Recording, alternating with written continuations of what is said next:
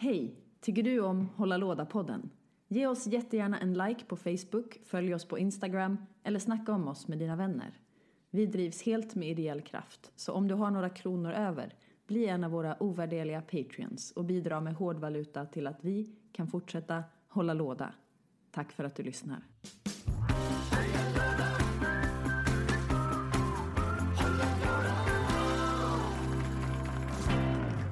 Ja men hej, hej, hej allihopa och varmt välkomna tillbaka till Hålla Låda-podden.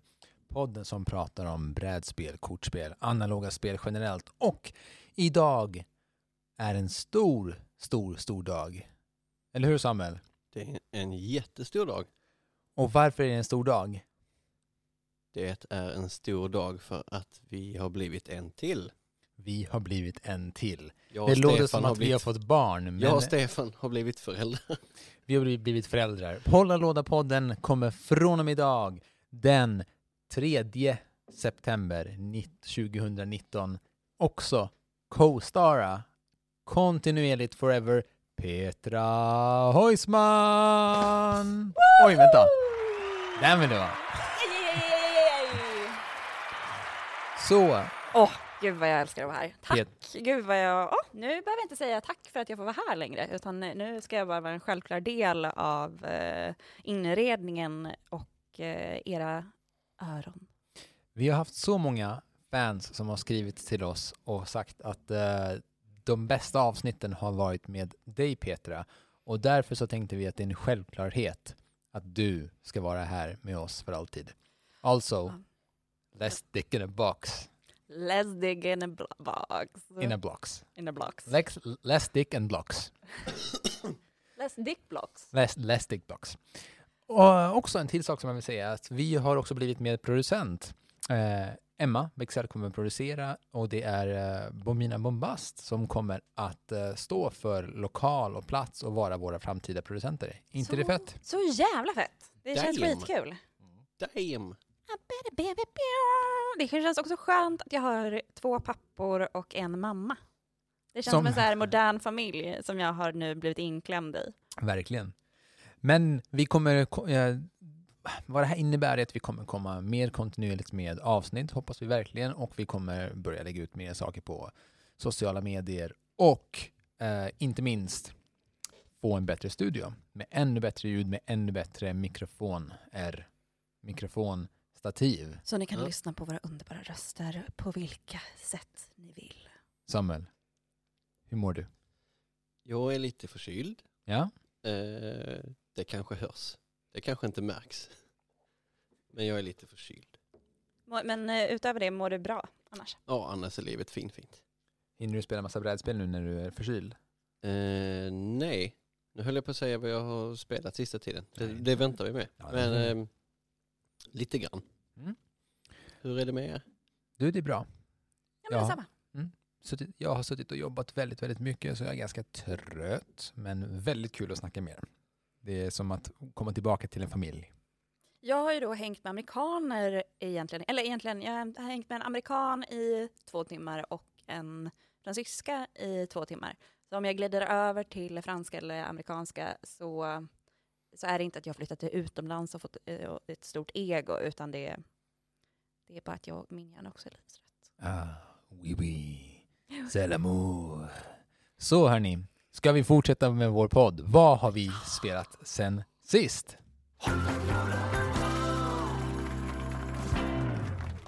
Samuel, vad har du spelat sen sist? Ma chérie. Jag har mest spelat Solenia och Solenia. Solenia. Ehm, Är det här två olika spel som heter likadant, eller är Ja, det, det- bara att du älskar att spela det och har gjort det flera gånger? ja, det är samma spel, men jag har spelat både Advanced och eh, Basic version. Mm. Och så gillar du att säga ordet Solenia. Solenia. Solenia. För alla er som, som har sett Rick and Morty så vet ni att Solenia, gud, jag Är måste the se word det go. igen för att jag har tappat Mm. den här referensen. det är ju Pickle Rick-avsnittet. Ah, det är ju det bästa Ja. också. Solenia. Solenia. Så Solenia. först, första gången jag spelade spelet så satt ju alla bara och skrek Solenia. Solenia. Har ni spelat det, eh, Rick and Morty? Alltså det finns ju några stycken, men eh, det brädspelet när man är den här nöjesparken inne i en människa. Jag har inte spelat ett enda Rick and Morty-spel. Jag har spelat två. Eh, Mm. dock blev jag av med dem i en separation. Eh, men jag ska jobba på det här så kanske vi kan eh, återkomma. Det låter som att du blev av med värdesaker.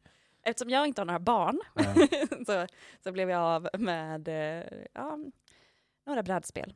Damn, Vi behöver inte säga mer än så. vi behöver inte säga mer än så. Sa- Samuel, berätta mer om Solenia. Eller vi, vi har ju snackat om det förut, men eh, vad är skillnaden på vanliga Solenia och advanced?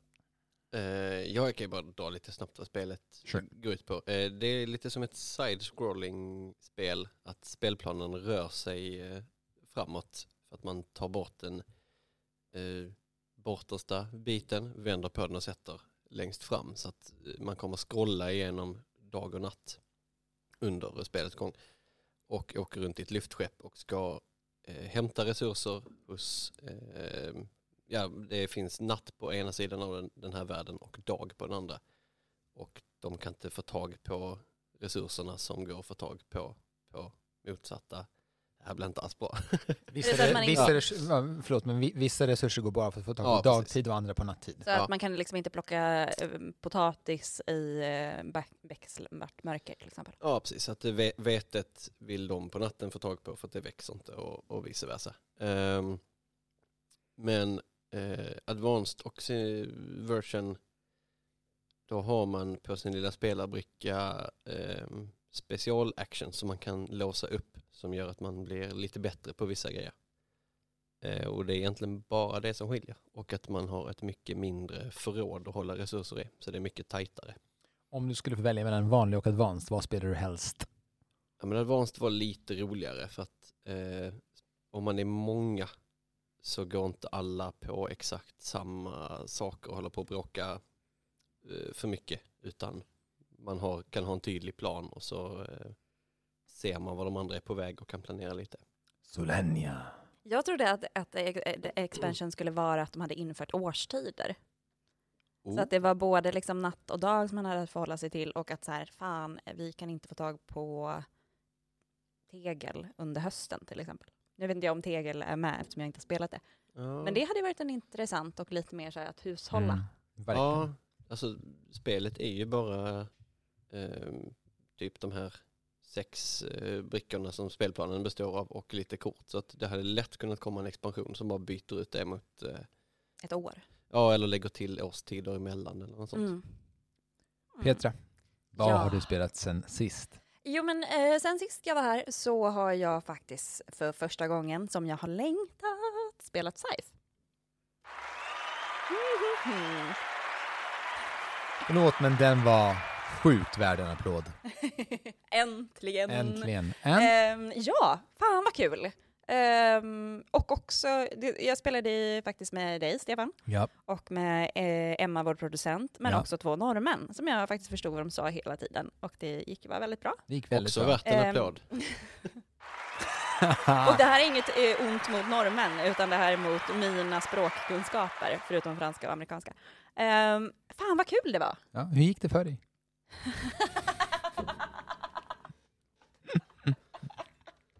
Ah, vad gullig du är, tack, Tack. så mycket. Eh, det gick väl skit. Eh, jag förlorade ju. Men det är det som var, eh, jag kände mig inte som en dålig förlorare.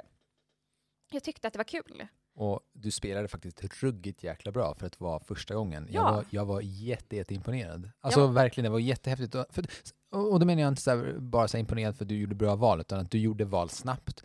För så många som jag har spelat Scythe med för första gången tar liksom alldeles, alldeles, alldeles för lång tid på sig och man blir aldrig klar. Till exempel de här två fantastiska, underbara norrmännen som vi spelade med. Varav Tjur eh, som har varit gäst i Hålla Låda-podden eh, var Ja, en av dem. Precis, han som vars familj spelade, spelade The Mind på felaktigt sätt. Han och Lars som också var här eh, spelade vi Scythe med två kvällar innan och då Mm. tog det nästan dubbelt så lång tid att spela färdigt omgången. Jag tyckte att man, eh, jag, jag fattade eh, allting relativt snabbt och sen fick, jag lärde mig lite under tidens gång. Eh, sen så kändes det som, jag var inte så sugen på att göra folk arga och bara attackera folk heller. Det gjorde ju Lars.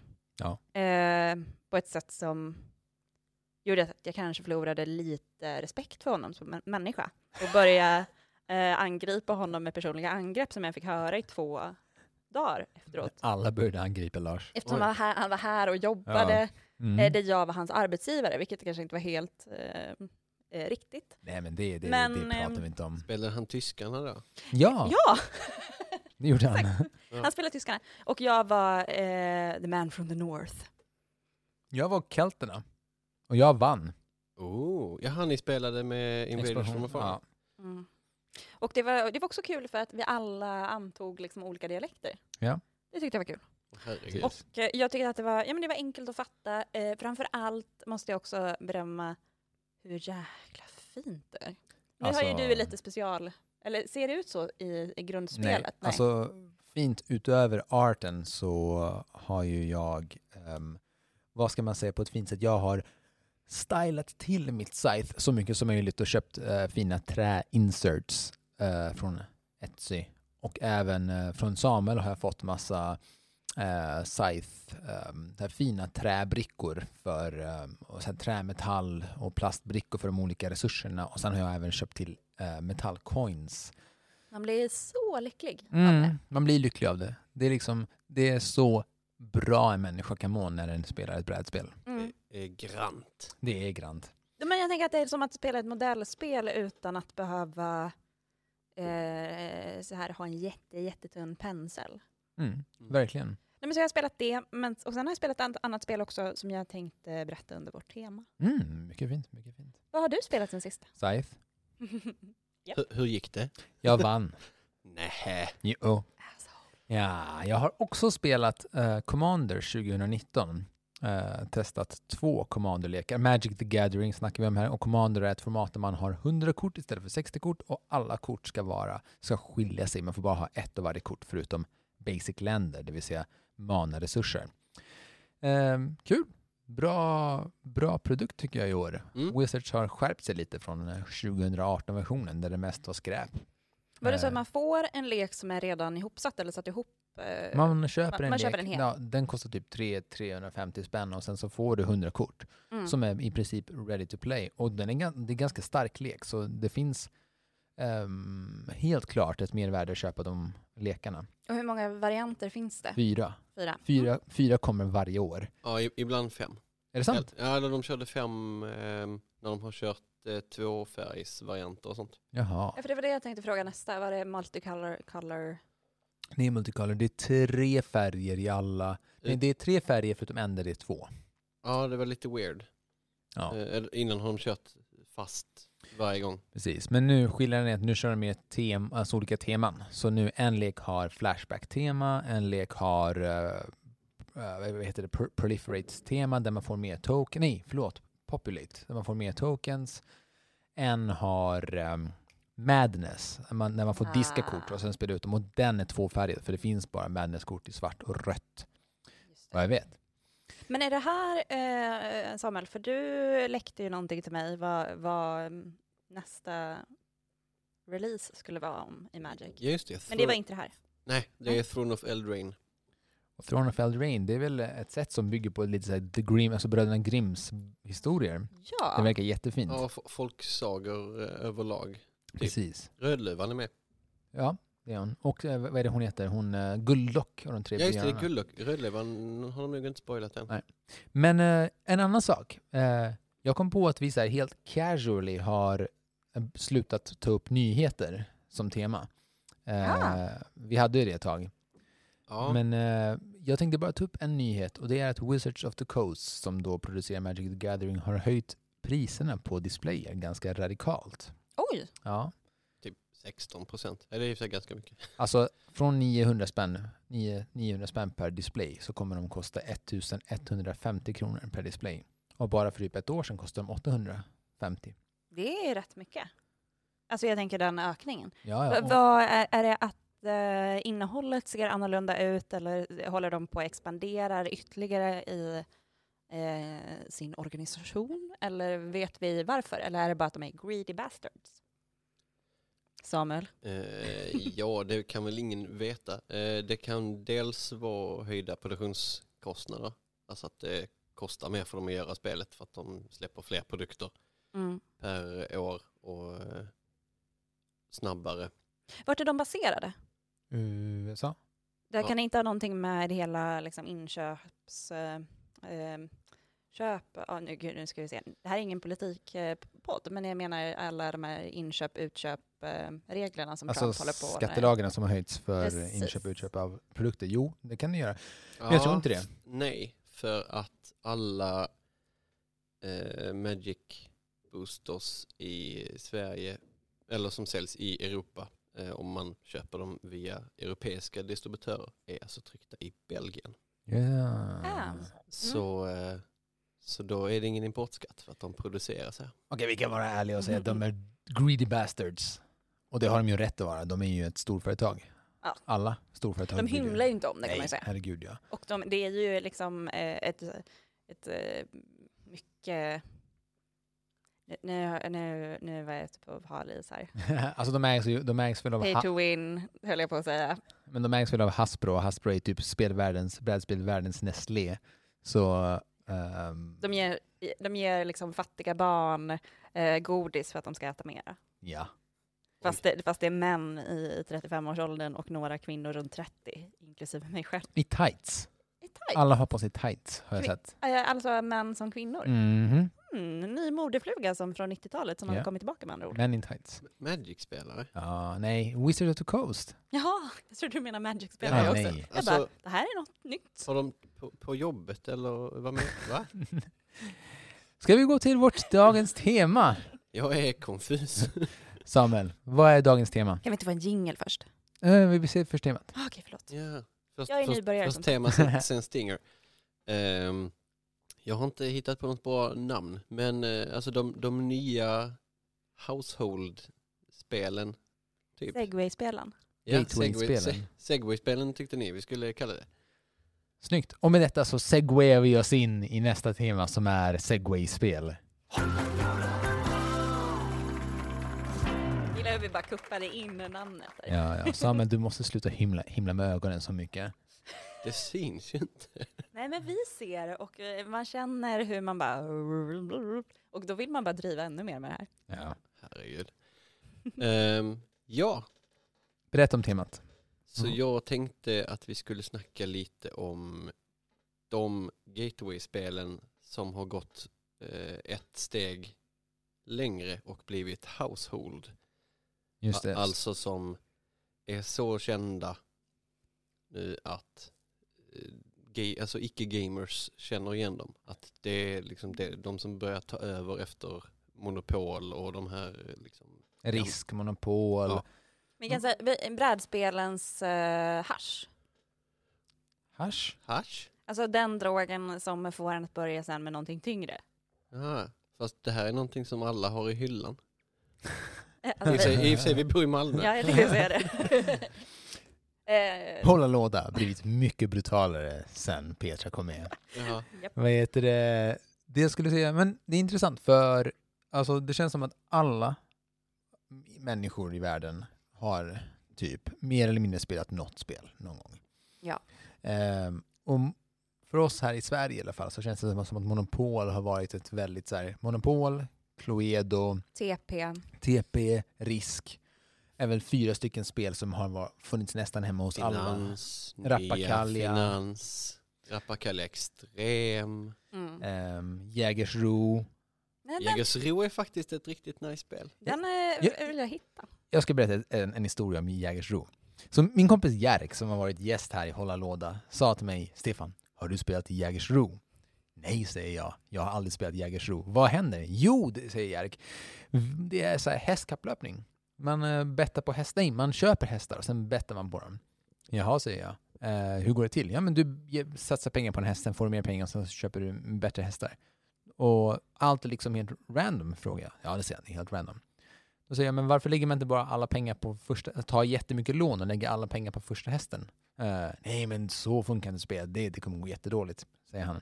Då säger jag, ja men då kör vi spelet. Och så lägger jag alla mina pengar, tar jättemycket lån och lägger allt på en häst. Den, den vann.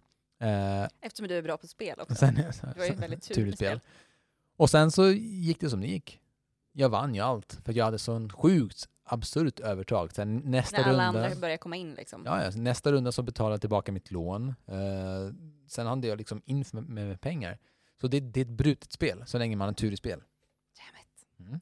Men det är bra spel. Ja, men alltså i sitt esse av supergamla spel innan brädspelsdesign var en grej så är det ganska mysigt. Eller jag har inte Mm. spelat det på jättelänge. Så att Jag- jag, jag jag, tänker jag, att vill skydda mitt minne Ja, av det är bra. Det är som, fint. som bra. Eh, det, det är lite samma som Champion. Gud, förlåt, det är jag som... Nej, bla, bla.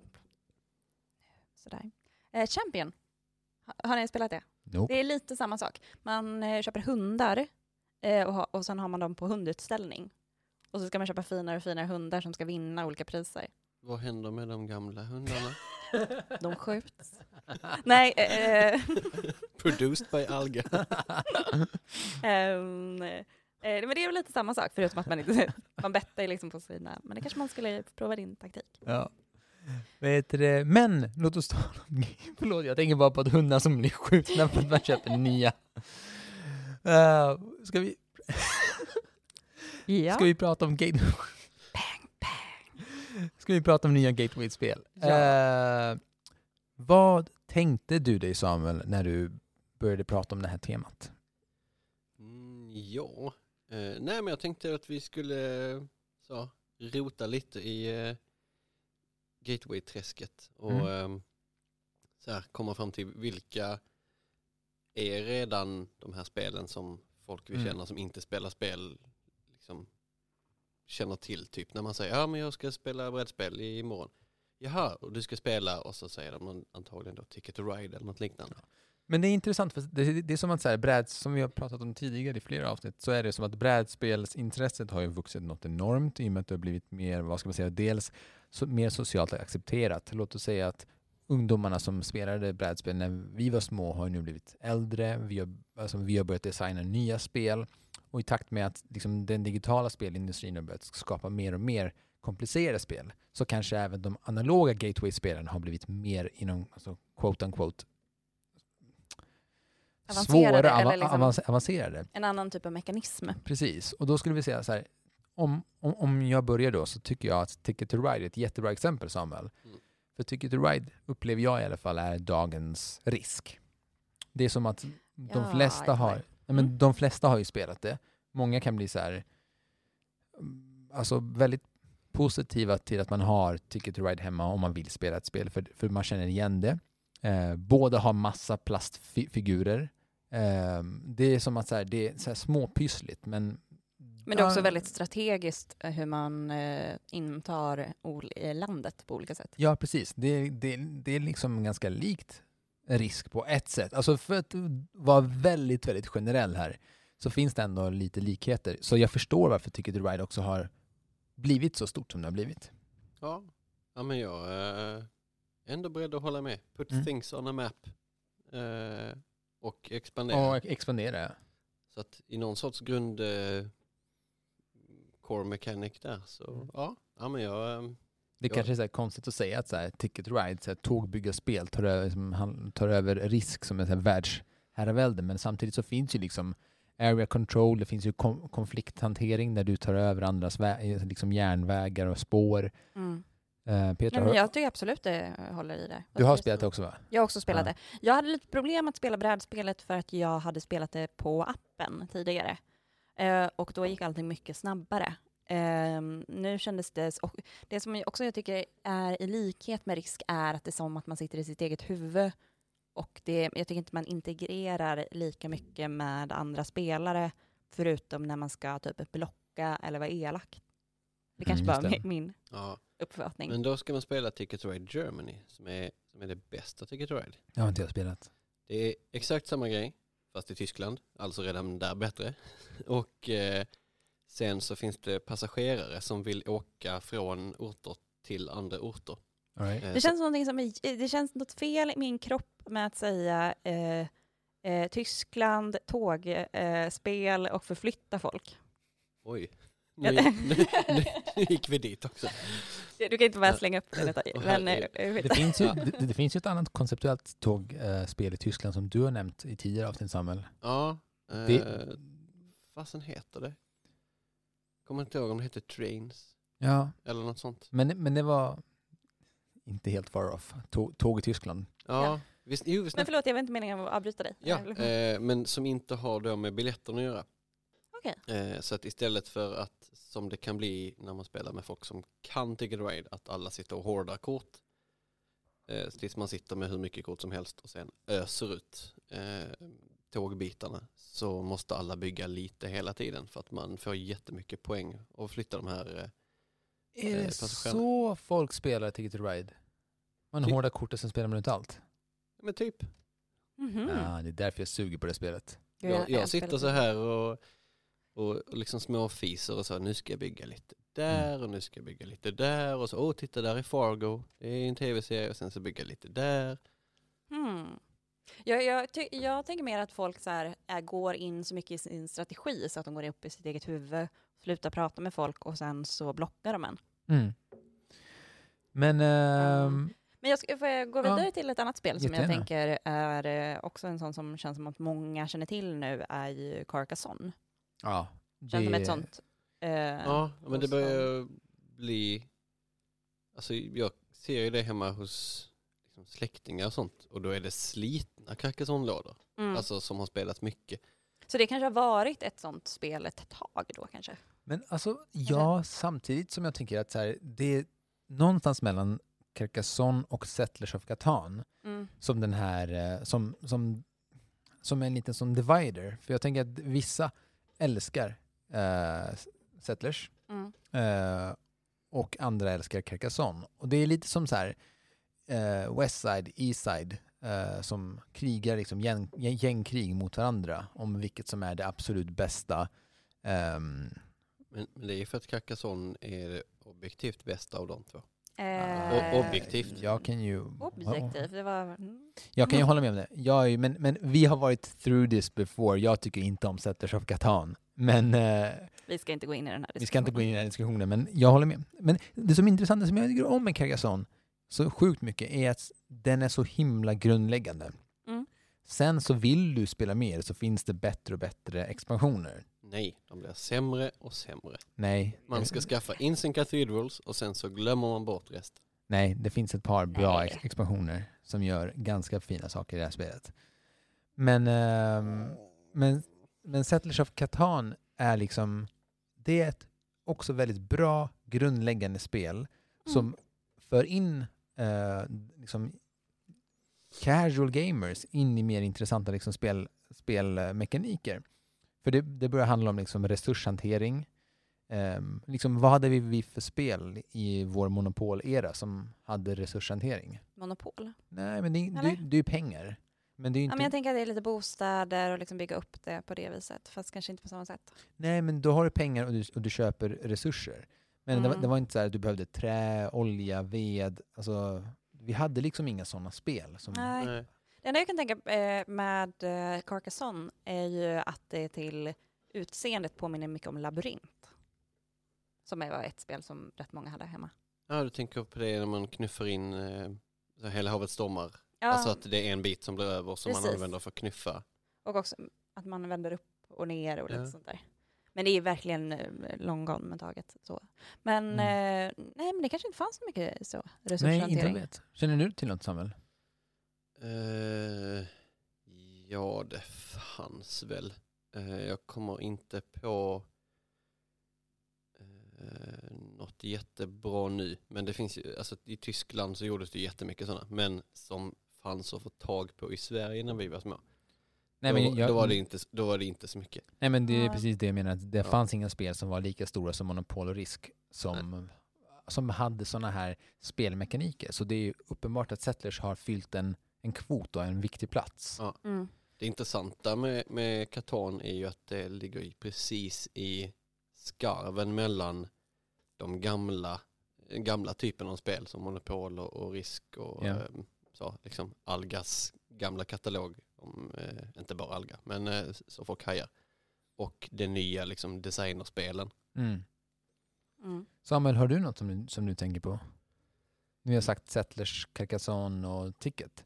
Ja, eh, jag tycker nästan Sekt- Settlers är för gammalt. Alltså det kom ju ändå 93. Jag tycker lite Är det så att det var liksom segway, segwayen emellan? Eller, Ja, eller jo, vi räknar med det. Det är väl ändå någon sorts modern Men jag tycker, det, alltså jag, tyck, jag liksom tycker verkligen att det är ett det är det spel som idag för folk in i nya brädspel. Ja, det är modernt i jämförelse med, med liksom de andra. Monopol är ju en, kom i 33, så Mm. det är ganska gammalt. Sen är det något annat spel som ska fylla typ 90 år Coolt. av de äldre, om det är Risk eller något sånt. Det ska ju Eh, funnits jäkligt länge också. Ja, Men, men, eh, ja. eh, men Dixit, ja, just det. det är väldigt många som jag tycker känner igen det.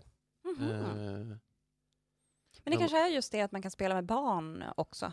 Ja, att det är det här spelet som eh, åker fram liksom eh, när man har haft en, en rödvinsmiddag liksom och eh, det bara är sex pers kvar och, då är det, Mhm. Och folk är lite såsiga och lite mysiga. Det är det som åker fram. Kan inte du bjuda mig på rödvinsmiddag någon gång? För jag känner... Jag har jag, aldrig hört talas om det här nej, heller. jag tycker inte heller, jag bara, det, att Dixit skulle åka fram då. Nej, inte heller. Ja, Det är inte meningen. Jag vill komma Men, på middag eh, hemma hos dig. Ja. jag, jag jobbar ju också i, i brädspelsbutik så jag hör ju liksom sånt här lite mer och ser folk som kommer in och pekar och bara åh det är ju det.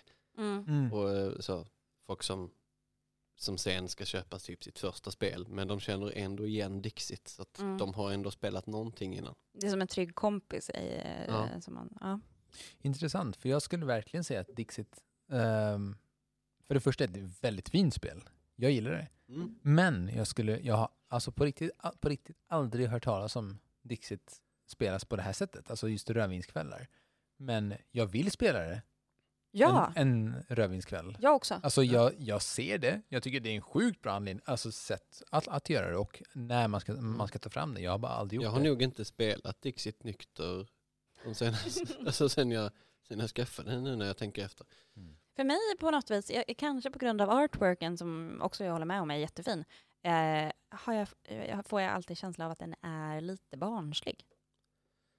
Så det kan ju vara det. Alltså vissa bilder är ju lite så här barnsliga men vissa bilder är nästan så här typ förstora upp, rama in, sätt på Mm. random eh, eh, museum så hade ingen märkt det liksom. Mm. Nej. Men Har du något spel som du har? jag, och jag skulle säga- säga att Pandemic börjar, börjar bli ett Ja. riktigt Ja, gateway-spel. För jag skulle nog säga att de flesta som- som jag känner som har börjat ta sig in i brädspelsvärlden har spelat Pandemic. Eh, och känner sig lite så stolta över att de Mm. har spelat Pandemic. Det är så här, nej men Det är självförtroendehöjande liksom. det, det, men det är lite som att så här, eh, folk som jag känner har börjat säga eh, med en varm glimt i ögat. Stefan, jag spelar brädspel. Jaha, säger jag. Vad har du spelat? Nej, men jag spelar eh, Pandemic. Och så tänker de så här, oj, nu har jag spelat ett riktigt svårt brädspel. Så det är fint att se att människor har en tendens att tycka att de har tagit sig in i brädspelsvärlden genom att spela Pandemic. Mm. Med en varm glimt i ja, ögat. och det är absolut ett sånt spel som, eh, som folk känner igen. Liksom den stora massan eh, hajar till på. Just det. Och det som jag tänker är speciellt med det som inte fanns eh, när vi pratar monopol-eran är ju ett spel där man spelar mot spelet. Och, och tillsammans. Ja, Co-op. precis. Co-op. Det Ja. fanns ju inte alls när vi var små. Jag är osäker på om det har kommit in i brädspelsvärlden via rollspelen. Eh, och att det var där Mm. det började eller om det faktiskt Mm. finns något gammalt co-op. Alltså, För det känns ju som att... När vi, Drakborgen. ja, Men- fast Ja. där co-op, man springer ju mest runt. Fast det är ju Alltså- co-op. Du spelar inte mot varandra. man ska ju inte spelar- döda varandra va? Nej, men man hjälper inte varandra. Men Hero Quest är väl också lite det? Jo, men Det är Hero Quest är ju... Men, det är, men är inte Hero Quest Drakborgen? Nej, det är Dungeon Quest som är Darkborn. Hero Quest Ja. är eh, annat spel med svärd. Ja. Som jag Ja, är för, ja, som jag är för ung, ung för att ha spelat. Men båda de känns väl lite rollspelskänsla på? jo, det gör också, det ju. Överlag. Och sen var ju Hero Quest och Drakborgen och Dun- Dungeon Quest väldigt, eh, vad ska man säga? Det var ju mest quote unquote nö- nördar som spelade det. Mm. Nördar i eh, Stran- Stranger Things bemärkelsen. Det var Mm. liksom de som var lite utanför den sociala eh, acceptansen som spelade Ja. i spelet. Jag skulle också säga så här, innan eh, jag blev vuxen så tänkte jag nog alltid att spela spel var en tävling. Att det var Mm. synonym. Just det, men det köper jag också. Men det var det väl? Alltså där, jag har nog inte koll på ett enda brädspel som jag spelade. Alltså, jag, jag, jag var ju de som spelade ganska mycket brädspel när jag var liten, men det var just Risk, Rappakalja, Monopol. Ehm, och för mig handlade det bara om att tävla. Mm. Eh, och det, varje kväll slutade det med att någon blev upprörd och gick hem och var sur på alla andra. Oh no. Ja, men det är väl så det ska sluta. Det är väl, så, precis, det är väl precis som en dejt. Om. Nu vill inte jag komma till dig på rödvinskväll längre. Förlåt, jag skojar. Eh, jag har ett annat spel Ja, som jag ändå också, det kan vara att det bara är min lilla bubbla, men eh, kortspel alla Sushi Go. men inte bara för att du har introducerat folk till Sushi Go. Eh, inte bara detta, men, nej, men det känns som att den typen av spel, eh, att det finns någon form av att ett, ett enkelt kortspel som går att plocka fram. Eh, kanske inte bara är Sushi Go, det kanske finns några Mm. andra också som man skulle kunna få in i den kategorin. Ja, men jag kan nog skriva under på eh, Sushi Go. Det är nog inte, det är nog lite för ungt för att ha hunnit verkligen ta sig in i Mm. liksom, den stora grå massans Mm. folkhem. Men eh, alltså det är ett, ett och ett halvt, två åren det gick att få tag på när det var i tryck. Mm. Eh, så blev det ju, så exploderade det. För jag tänker att det finns många som vill vad heter den, eh, ha eh, ett spel, istället för att ta med sig en kortlek till krogen, Mm. vill ta med sig ett annat som faktiskt mer är ett spel eh, fast med kort och enkelt att lägga fram. Men jag kom- jag kom på det nu faktiskt när du sa det. Och det är typ Spank the Monkey. Ehm, den här, det här andra. Exploding Kittens. Ja. Eh, vad heter det tredje? Munchkin. Munch- ja. Det är så här, det, där har vi ju så här enkla sp- Fluxspelen. Mm. Det är ju spel som många bara så här har hemma som jag knappt ibland tänker på är brädspel. Eller så här, att det är analog eller är spel. Ja, men, Men- alltså ett spel som är typ uh, runt 200-lappen som man kan ge bort i Mm, födelsedagspresent. Ja, Ja, ja, men Munchkin eh, det är också svingammalt. Eh, så att det har ju verkligen så här, många spelat. Ja. Eh, och sen kanske inte spelat så mycket mer. Men nej. så här att eh, det verkligen sitter i det gemensamma undermedvetna. Men tänk typ Exploding Kittens. Är inte det Samuel typ ganska mainstream att så här, folk kommer in och köper 14x av uh, Exploding Kittens på en, två, på en vecka liksom? Eh, det är väldigt mainstream. Ja. Eh, sen är det ju liksom hobbyister som köper det också. Men det är väl alltså, eh, det är mycket folk som kommer in och så, oh, vi har spelat det på en eh, korridorsfest liksom. Just Mm. det. Ja, men det är ju också alltså, en fantastisk gateway in i spel, just kor- korridorsfester. Alltså, nu tar jag det här som exempel, men det slutar väl oftast ganska ofta att man spelar ett roligt spel alla Exploring Kittens, uh, Spank the Monkey eller till och med Cards Against Humanity när man har Mm. suttit och varit berusad tillsammans en kväll. Och det gör ju att man liksom går till Playoteket eller en random brädspelsbutik och köper ett, säg ett, eh, en, en, kopi, en kopia av spelet och så tänker man hmm, om jag har det här spelet så kommer jag få en lika bra kväll som jag hade när jag hånglade med den här och den här personen. Exakt. Jag, jag tror på det där också, definitivt. Jag skulle vilja slänga in då, eh, jättekort, eh, eftersom jag köpte ett nytt spel sen jag var här sist, Mm. eh, som också är, går i den här ka- kategorin, men inte har blivit mainstream längre. Exploring Kittens. Nej, Cat Lady. Ja just det, det här nämnde du sist ja. Ja, nu har jag köpt Cat Lady. Har du spelat det? Mm. Är Har du det? Är det Mm. mysigt? Det är mysigt. Eh, jag är lite besviken på att eh, Det inte var riktiga katter? Ja. lite så. Men också att artwork, alltså det är en jättefin artwork, jättesöta, men lite slö artwork. För det, är, man får ju, det finns ju flera olika katter, men det är samma liksom form på katten och så har de bara färglagt dem olika. Och det tycker jag är lite slött. Men alla katter ser likadana ut fast de är olika färglagda. Eller? Jag vet inte var det här kommer hamna. eh, men det är i alla fall Josh Wood som har designat eh, och, är, eh, och har också gjort all artwork själv. Eh, jag tror att det är ett gäng på totalt fyra eller fem personer som har ju, ja, gjort det, men det är han som är den stora skaparen bakom. Eh, men det är typiskt ett sånt. Jag tog faktiskt med mig det till eh, ölcaféet här på Oh. Mallan och satt och spelade med, med min kompis Frida. Och jag hade aldrig spelat det. Jag hade läst igenom reglerna en gång. Hon hade aldrig spelat det och eh, första gången vi spelade igenom det så gick det jättebra. Det var jätteenkelt att lära sig. Men det är väl så här, det känns som att vi i alla fall kan konkludera med att säga att alltså gateway-spelen blir ju mer. Det är lättare att ta sig in i brädspelsvärlden idag än vad det var för 10, 15, 20 år sedan. Ja, Mm. För det, för det finns fler spel, det finns fler lätta spel och det finns framförallt fler partyspel som inte är eh, beer pong eller liksom ölspelet. Utan spel som på riktigt faktiskt har en spelmekanik som inte bygger på att du ska dricka alkohol. Mm. Um, Dixit, jättebra exempel. Jag, jag hade som sagt aldrig spelat det på en rödvinskväll men det känns som att det det är ett spel som både går att spela tillsammans med sina barn men också en, eh, en, en sen rödvinskväll. Mm. Men eh, Samuel, har du några, har du, tänker du på något mer? Nej, vi har antagligen missat jättemycket. Eh, men vi har scratchat lite på, på ytan liksom. Och det är ju nya spel som liksom ascendar upp till det här alla känner till stadiet liksom. Så vi får väl fylla på med ett avsnitt 2.0 någon gång. Men samtidigt så tänker jag att, det- att vi inte har scratchat på ytan. För det är så här, det känns som att de fyra stora spelen är ju liksom Pandemic, Ticket, Ticket to Ride, Carcassonne, Settlers. Ja, Att ja, det är så här, de, de har ju bara så här bytt ut eh, risk, monopol, vad var, vad var det mer vi, vi sa där? Bondespelet har vi kanske inte nämnt, men nu nämner jag det. Ja, och, och typ diamant. Mm. Ja, Mm, jag- Jag kom på att eh, man borde lägga in, eh, åh gud nu tappade, nu tappade jag det, eh, att man borde lägga in, låt mig tänka lite så återkommer jag. Absolut. Vad heter det? Vi närmar oss snart våra 40 minuter, så Petra, det är inte så lång tid kvar att tänka här.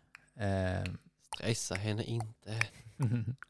Nej, men jag, jag, jag kanske får återkomma eh, med det nästa gång. Det kändes som att jag hade missat ett som var så himla givet. Jo, nej men jag tänker att eh, det som fortfarande är kvar, alltså det som alla hade när vi var lite var väl typ TP. ja, men just det, det var en av dem jag tänkte på, ja. Och att eh, det bara har bytt namn till eh, MIG eller Besserwisser nu. Ja, just det. Besserwisser Mm. i, i Danmark är Besserwisser helt fruktansvärt enormt jättestort. Är det så? Ja, det, det säljs hur många tiotusentals kopior som helst. Är det danskt? Ja, Ah, men alltså wow, jag hade ingen aning. så att ehm, eh, och det säljer ganska bra i Sverige. Eller jag har inte koll på, eh, på eh, liksom försäljningssiffror för andra butiker. Men det flyger ju av hyllorna hos oss i alla fall. Jag gissar att det gör det överallt annars. Det är också ett spel som typ står på Åhléns. Just Mm. det. Typ akademibokhandel till och med, Mm. tror jag. Ja, jag tror att alla sådana här frågesportspel finns ju fortfarande kvar, bara att de ser lite annorlunda ut och med nya frågor. Och sen så finns det ju en sak som jag verkligen tror nästan alla eh, familjer ute i landet har, Mm. är ett brädspel som är baserat på ett svenskt tv-program. Typ På spåret eller Idol eller Veckans brott eller liknande. Eller spelet som jag är så sjukt stolt över att Samuel tog in i sin butik. Leif GW Persson-spelet. Ja. Ja, det är Veckans brott. Ja, det är Ja, veckans det är ah, veckans ja. Ja just det. Det bygger på ett eh, gammalt tyskt familjespel. Som Som heter heter Flucht der Mumie. Flucht. Som- Flö- Flörta med Mumien. Nej, det, det handlar om Flykten eh, från Mumien. det helt, eh, helt normala temat pingviner som flyr ur en Mm. ispyramid från en mumie. Fantastiskt. Det låter, helt underbart. Eh, och sen har de bara reskinnat det. Så att jag tror att, att mumien är GV, att de bara har vänt på det. Gud vad roligt. Alltså istället, istället för att pingvinerna är den, är den goda sidan så är de nu skurkar och den onda sidan. Gud vad roligt. Samuel, om tio år kommer brädspel ha vuxit eller tror du att det kommer vara mindre än vad det är idag? Jag tror att brädspel kommer slå i en vägg snart. Eh, för att det kommer ut väldigt mycket titlar. Eh, och alla får liksom inte plats. Och snart kommer det börja slå tillbaka mot företagen. att Så det går inte att släppa 20 titlar om året. Och att det kanske kommer att säljas lika mycket spel. Men färre. Alltså lika många eh, lådor kommer att säljas men färre titlar för att företagen kommer att börja eh, kiva av på produktionstakten och tänka lite mer på okej, vad, eh, vad vill våra kunder faktiskt ha? Och därför tror jag att våra gate, nya gateway-spel kommer vara det som folk kommer behålla, tycka om, älska och spela tills de är 90. Mm. Tack för idag hörni. Det var underbart att ha er här i nya studion. Eh, och åh vad kul att vara tillbaka. Nu tänker jag säga bara vi syns eh, nä- i nästa vi avsnitt. syns nästa avsnitt. Tusen, tusen tack för att ni alla lyssnar på oss. Ni anar inte hur sjukt glada vi är att ni lyssnar på oss. Ja, och ett, eh, ett extra tack till Peter Svärd som återigen ska sätta sig och eh, rita upp eh, Peter i sån här svartvit stiliserad eh, version så att hon kan komma med på bannern. Jag, jag, jag, har skickat upp tio bilder på mig själv till honom som jag hoppas att han ska Det är eh, så fint. eh, ta hand om. Peter Svärd, tack så jättemycket. Alla gäster som har gästat oss hela säsong 1 och säsong 2 som vi- har valt att kalla det, tusen tack. Och nu kör vi en eh, ny våg av hålla låda. Och tack, eh, tusen tack till Bombina Bombast som producerar föres- eh, utställ- Föreställningen. Eh, tack Bombina Bombast som producerar podden. Yes. Och vi ses nästa vecka. Adjö! Hej då! Goodbye.